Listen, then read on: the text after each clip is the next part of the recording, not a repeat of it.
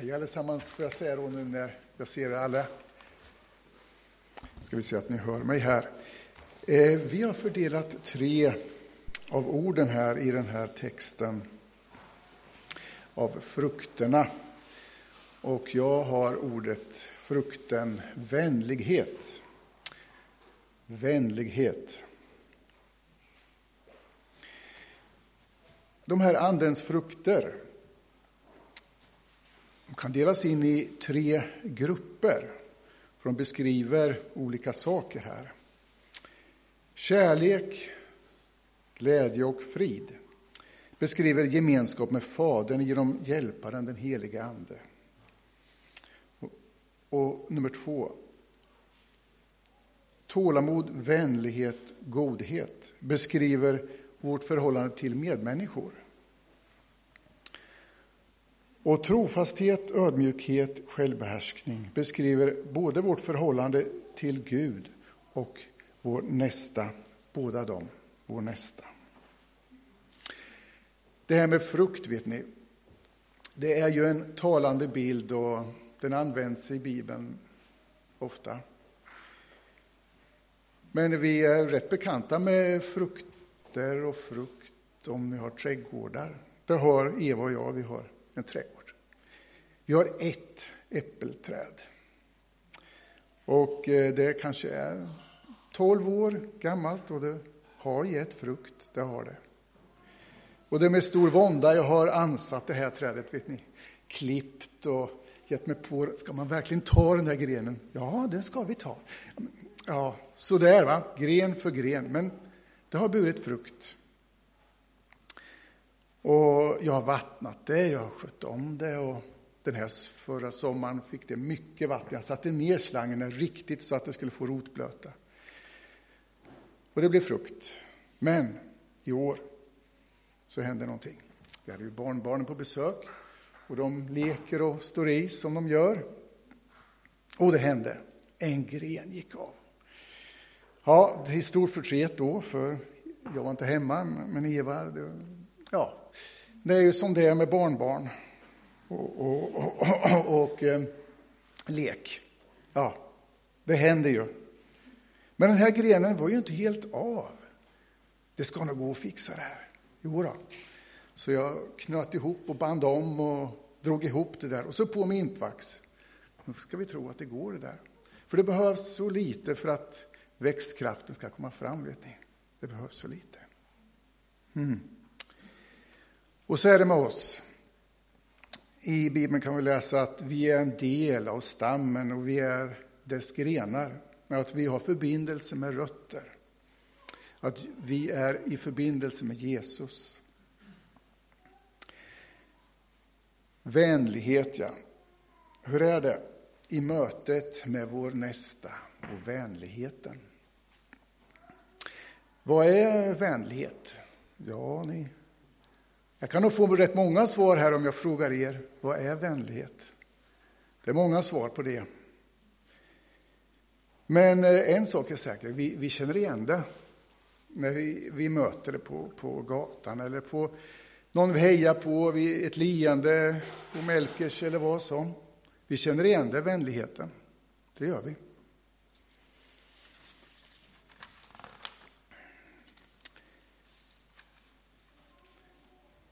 Vi, var och en, är med allt vad vi har av förmågor till empati, medkänsla, vi får del av den växtkraft som finns i tro på Jesus.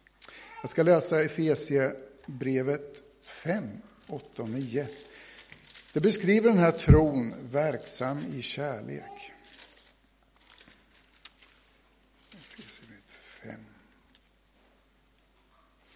Ni var en gång mörker, men nu är ni ljus i Herren.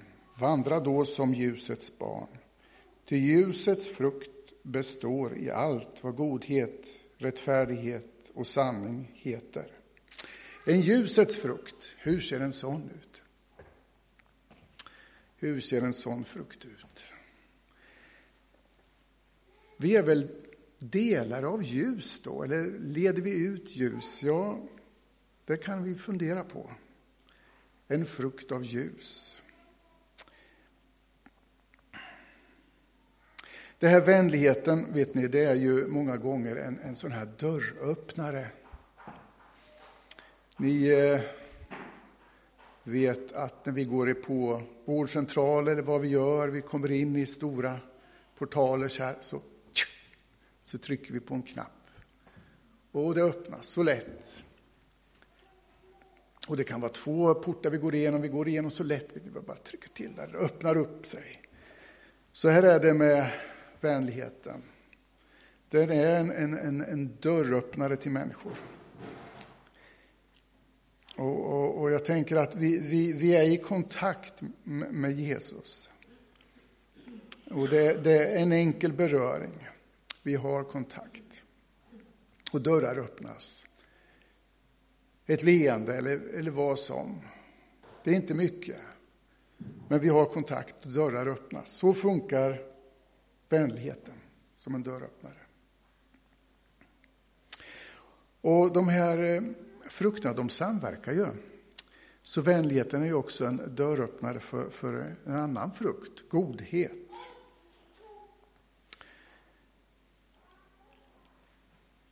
Men det finns också stängda dörrar, tröga dörrar. Och, och eh, jag kan prata för mig själv. Det finns mycket av osäkerhet. Mer utav utmaning och rädsla. Och då finns det en annan frukt som heter tålamod.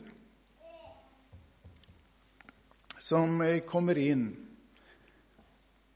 som vi också får, får njuta av faktiskt. Tålamod.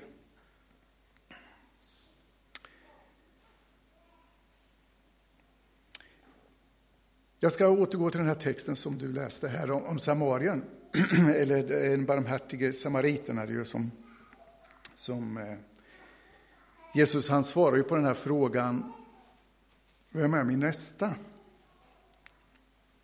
Den här barmhärtige samarien då som, han fick ju som svaret då, han som inte gick förbi, och att vi ska göra som han.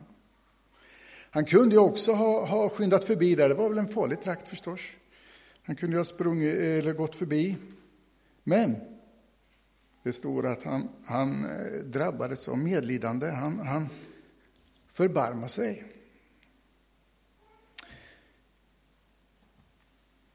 Jag återgår till det här med, med känslan av, av, osäkerhet, rädsla, att, att uh, utmanas. Vad är det som kan hindra oss? Jag ska berätta om någonting som jag berättade för, för Fredagskill, de här ungdomarna eh, i sexan som vi träffar här på fredagarna. Jag berättade om den här texten om Samarien. Och då, då, då skulle, jag berättade nu också. Och det var... Jag passerade en gång, eller jag åkte från Skänninge en gång och eh, kom som andra bil till en bilolycka. Och eh, det var rätt så rörigt där. Det låg, ligger en skåpbil upp och ner och en man är fastklämd. Det rinner bränsle i bilen. Och, och någon anhörig till honom sliter och drar i han. Han hänger avsvimmad och medvetslös och det är blodigt. Och, och, som det är på olycksplatser så är det ju rörigt och människor far omkring och nej, vi kan inget göra, han är fastklämd, han är fastklämd. Vi bara väntar, vi väntar på, på, på eh, ambulans, eh, brandkår. Och så där, eh, hon går oroligt av an. Men ingen satt vid honom och ah, de säger det finns inget att göra, det är bara att vänta. Men eh, jag satte mig eh, bredvid honom. Det var inte mycket man kunde göra med en fastklämd man. Vad gör man? Han är, hänger upp och ner, medvetslös. Men eh, jag gjorde något jag, jag tog en puls. Jag, jag tog, eh, ser han, blir han sämre? Hur andas han? Och sitter bredvid. Och, för han var så ensam. Eh, och jag funderade efteråt, eh, varför stannade jag kvar? Jag kunde ha gjort som de andra. De stod där och pratade och ojade sig och tyckte det var förskräckligt och alltihop. Och de väntade på en, en sån här katastrofbild, ni vet, som kan, kan böja upp plåtar och de väntade på en ambulans förstås, och sjukvårdare och så. Eh, men eh, jag funderade efteråt som sagt var på vad var det jag reagerade på. Jo, jo, jo, det var ju att han, han satt så ensam.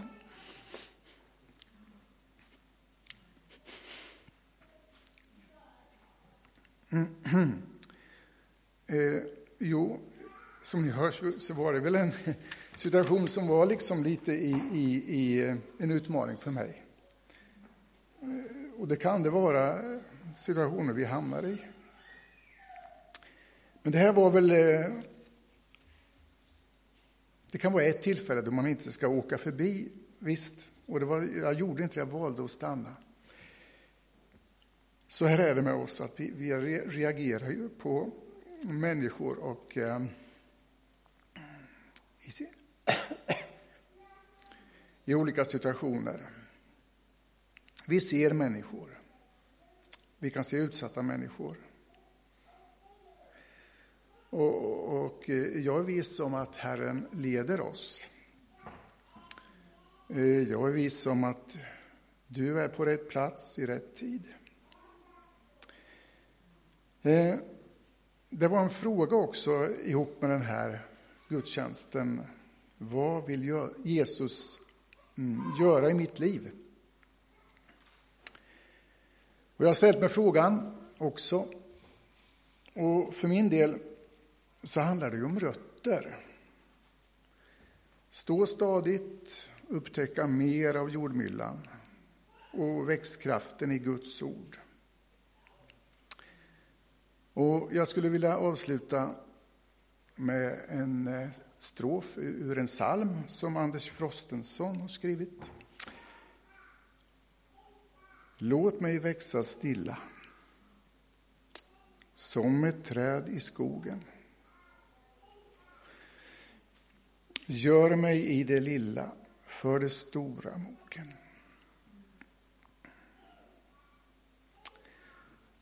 Det kanske låter smått, men det är väldigt, väldigt stort. Eh, jag vill gärna avsluta med att be tillsammans med er också om, om just det här frukten vänlighet. Herre, tack för all den vänlighet som, som vi har i oss, Herre. Tack för att du befruktar den än mer med din kraft, ditt ljus. Tack Jesus för vad du gör i vårt liv. Att vi får vara på rätt plats i rätt tid. Herre, vi ber också att vi stannar upp, inte går förbi, ser den och någon. Herre, hjälp oss Utmana oss själva, något och något. Amen.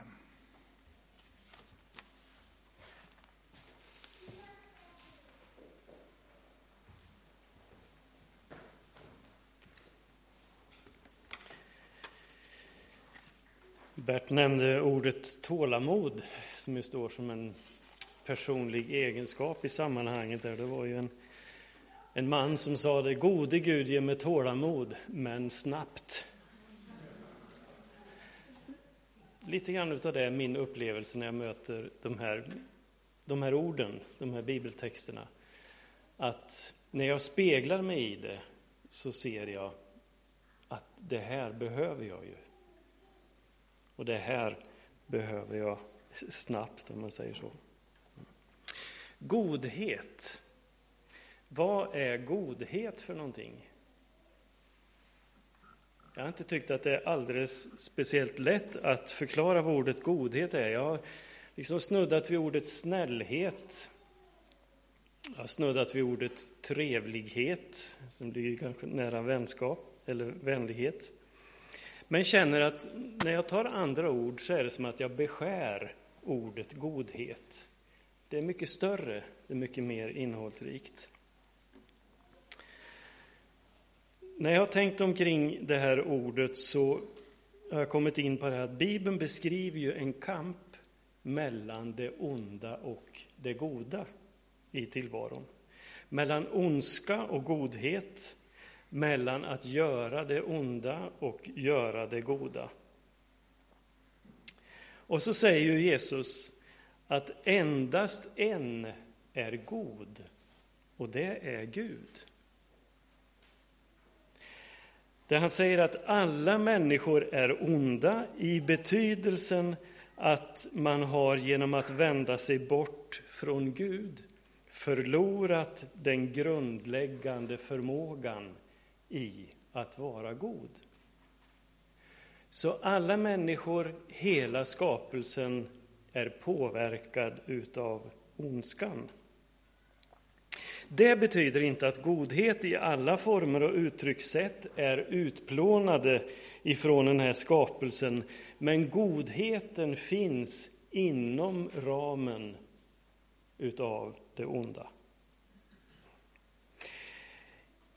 Eh, Jesus säger i eh, Matteus 7 eh, så här, bara citerar det är ifrån vers 9.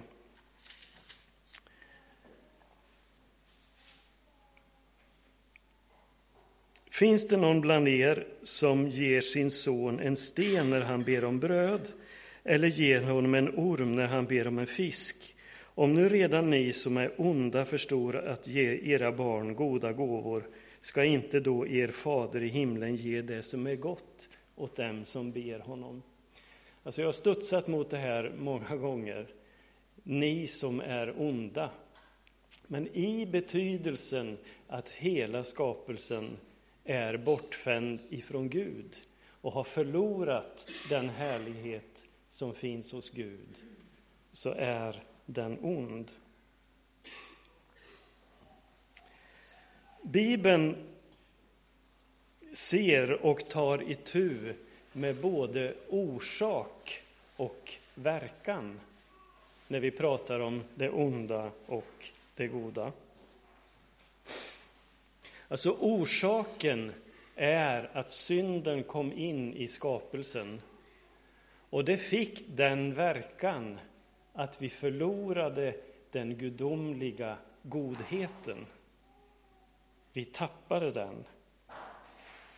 Men vi är ändå ansvariga för vårt liv, eller för, för våra handlingar, för det vi gör, även om Paulus i något sammanhang säger att ja, men då är det inte jag som gör det onda, utan det är synden som bor i mig. Men vi har ändå ansvar för eh, det vi gör. Och därför, och nu ska vi ta Matteus 5 Eh, och läsa en, ett sammanhang där. Matteus 5, vers 38 till och med 48.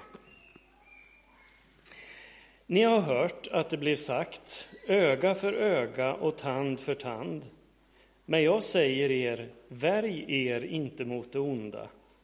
Nej, om någon slår dig på högra kinden, så vänd också den andra mot honom. Om någon vill processa med dig för att få din skjorta, så ge honom din mantel också. Om någon vill tvinga dig att följa med en mil i hans tjänst, så gå två mil med honom. Ge åt den som ber dig och vänd inte ryggen åt den som vill låna av dig. Ni har hört att det blev sagt, du ska älska din nästa och hata din fiende. Men jag säger er, älska era fiender och be för dem som förföljer er. Då blir ni er himmelske faders söner. Ty han låter sin sol gå upp över onda och goda och låter det regna över rättfärdiga och orättfärdiga. Om ni älskar dem som älskar er, ska ni då ha lön för det? Gör inte tullindrivarna likadant? Och om ni hälsar vänligt på era bröder och bara på dem, gör ni då något märkvärdigt? Gör inte hedningarna likadant? Var fullkomliga så som er fader i himlen är fullkomlig. Och jag tänker att det är den godheten som finns i Andens frukt, godhet. Inte att reagera på det jag möter på det sättet, utan ha min rot och min grund och min utgångspunkt i Guds rike. Och det är det som Anden gör i oss. Andens frukt, eh, godheten. Lösningen på dilemmat att inte reagera med köttets gärningar är att leva utifrån Anden och utifrån det nya livet i Kristus. Om Anden får leda er, säger eh, Paulus i det här i Galaterbrevet, om Anden får ta kontrollen över era liv, då kommer Andens frukt att karaktärisera dig. Så godhet i det här sammanhanget ska förstås utifrån ett Gudsrikes perspektiv. Vi pratar om hållbarhet ganska mycket i vår tid. Men den här godheten, den är hållbar i alla perspektiv. Därför att den har Guds rike som utgångspunkt, den har Guds rike som mål. Det är en godhet som står för sanning, för nåd och för rättfärdighet. Den har, den har sina rötter i Gud och i sin rena karaktär så återspeglar den Gud i våra liv. Det vill Jesus göra i våra liv. Andens frukt, godhet.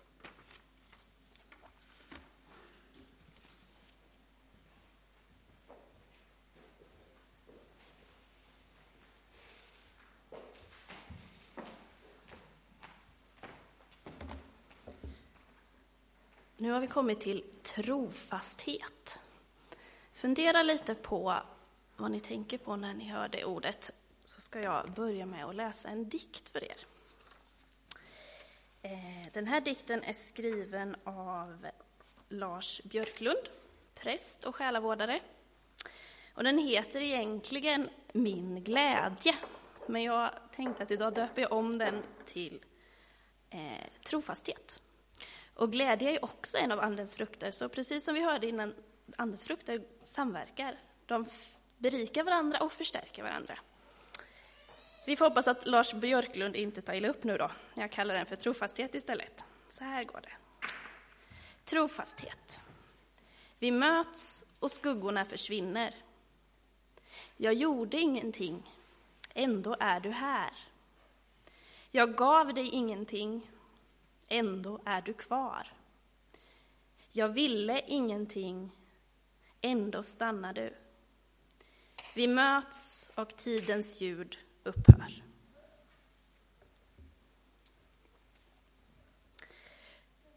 Om man är van att gå i kyrkan så har man nog hört ordet trofasthet ganska många gånger, tänker jag.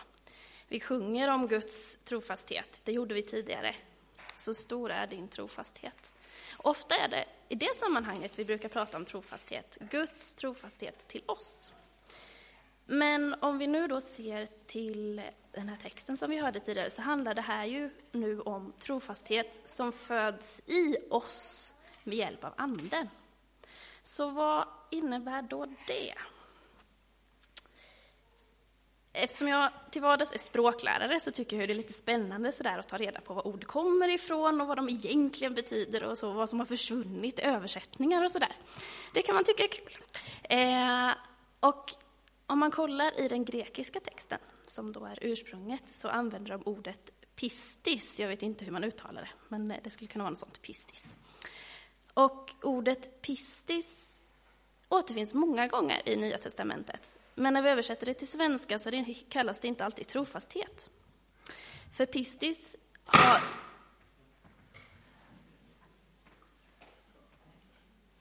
Pistis har många betydelser i ett ord. Pistis kan översättas med tro, det kan översättas med trofasthet, och ibland kan man även tänka att det har betydelsen trovärdighet. Och då tänker jag att de här sakerna går in i varandra. Det handlar ju om att tro och handling sitter ihop. Det handlar inte bara om att tro någonting, utan det handlar också om att handla utifrån det man tror på. Att man står så fast i tron att det lyser igenom i det vi gör och det vi är. Så kollar vi då i Nya Testamentet efter ställen där det här ordet pistis används, så kan vi hitta det bland annat i Markus evangeliet. Där berättas det om när Jesus sa till sina lärjungar, låt oss öka, åka över till andra sidan. Det var vid en sjö de var. Och lärjungarna gjorde i ordning båten, de klev i där och åkte ut på sjön. Jesus la sig och sov. Jag tänker att man blir nog ganska trött om man levde så som han gjorde. Prata med mycket människor och gå omkring. Så det var väl inte så konstigt att han passade på att sova lite där i båten. Men när de kommer ut mitt på sjön så börjar det blåsa. Och man kan ju tänka lärjungarna när de sitter där i båten, först tänker de nog, nej men det här är inget problem, Jesus är ju här. Men sen börjar det blåsa mer och mer och det blir en riktig storm och Jesus sover fortfarande där. Man förstår att oron börjar växa lite i lärjungarna. Sen till slut så har de nog som panik. Alltså vi kommer drunkna här, det händer ingenting, vi kommer drunkna, det blåser så mycket. Och då går de och väcker Jesus. Jesus lyssnar såklart på dem, han säger till stormen att lugna sig. Men sen säger han något mer. Han säger så här. Har ni ännu ingen tro? säger han. Eller har ni ännu ingen pistis? Så egentligen skulle han alltså lika gärna kunna säga, har ni ännu ingen trofasthet? Och jag tror att vi är så här, vi människor. Även om vi har svaret mitt framför oss, så är det ibland så att vi inte vi kan inte ta till oss det. Jag tänker fake news och sånt där som, som är inne nu. Vi vet, vi har, de hade Jesus mitt framför sig, men ändå så kunde de inte ta till sig det. Och jag tänker också att det här egentligen är en liten retorisk fråga från Jesus, för lärjungarna hade ju inte fått anden än. Den kommer ju senare. Och det är ju så att det är anden som hjälper oss med tron, med trofastheten. Och då kan man ju tänka sig, om vi tar den här berättelsen och försöker översätta den då till våra egna liv, så kan man ju tänka att anden kan hjälpa oss genom vårt livs stormar. Att vi kan få en styrka att stå fast i tron även när det ser som mörkast ut runt omkring oss. Eh, att vår relation till Gud får fortsätta att vara hel och trofast även när det ser som mörkast ut. Det kan Anden hjälpa oss med. Men trofasthet handlar ju inte bara om relationen till Gud. Det tror jag till och med Bert sa här i början, att just trofasthet handlar ju också om relationen mellan oss människor. Eh, Fredrik predikade förra söndagen. Då pratade han om ordet shalom. Ett ord som ofta översätts med fred eller frid till svenskan. Men det har så mycket mer betydelse, även detta ordet. Det handlar om ett tillstånd som Gud vill med vår värld, där allt är helt, allt är komplett, där våra relationer inte är trasiga längre, utan de är hela, hela och trofasta. Eh, om vi tittar tillbaka på Samarien här igen, den barmhärtiga Samarien. Han gjorde en god handling. Han såg den här människan och hjälpte den, men han stannade inte riktigt där. Han tog med den till en plats där, han kunde, där personen kunde få hjälp, den skadade kunde få hjälp. Han såg till och hjälpte till, men sen när han var tvungen att gå därifrån, då betalade han så att den här personen fortsatt skulle få hjälp. Och han sa även att jag betalar mer när jag kommer tillbaka. Och det här kan man ju tänka är ett exempel på trofasthet, för trofasthet är något som räcker över tid. Vi kan inte säga jag är trofast idag, men inte imorgon. Det funkar liksom inte. Trofasthet är något som räcker över tid. Och då handlar det också om att stå kvar i våra medmänniskors stormar. Att trofastheten som vi får av Anden hjälper oss med detta. Och då går jag tillbaks till boken som jag läste dikten ur, av Lars Björklund. Den här boken handlar om det svåra mötet. Alltså, vad gör vi när vi står bredvid en människa som är i den värsta stormen, det mörkaste som kan vara? När vi inte kan göra någonting, det går liksom inte att fixa. Och det finns inga ord som kan trösta. Då kallar Lars Björklund sin bok Modet att ingenting göra. Och det låter kanske lite konstigt, men det det handlar om är att vi inte alltid kan göra något, men vi kan vara. Vi kan vara där för den här människan. Vi kan trofast stå där i den här människans storm. Det är läskigt även för den som inte är drabbad att vara så nära någon som mår så dåligt. Men jag tänker att det är där anden får hjälpa oss. Att kunna stå kvar, att stå fasta där. Som vi sa så är den övergripande frågan för de här andens frukter, vad vill Jesus göra i mitt liv? Och jag tror att Jesus vill hjälpa oss att göra våra relationer trofasta och hela. Både till våra medmänniskor och till Gud. Så att du och jag vågar stå fast i tron på det goda, även när det är som mörkast. Och jag tänkte att Lars Björklund även ska få sammanfatta trofastheten. Jag läser några meningar från hans bok.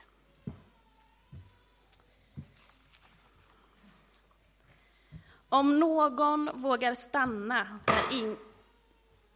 Vi tar det en gång till.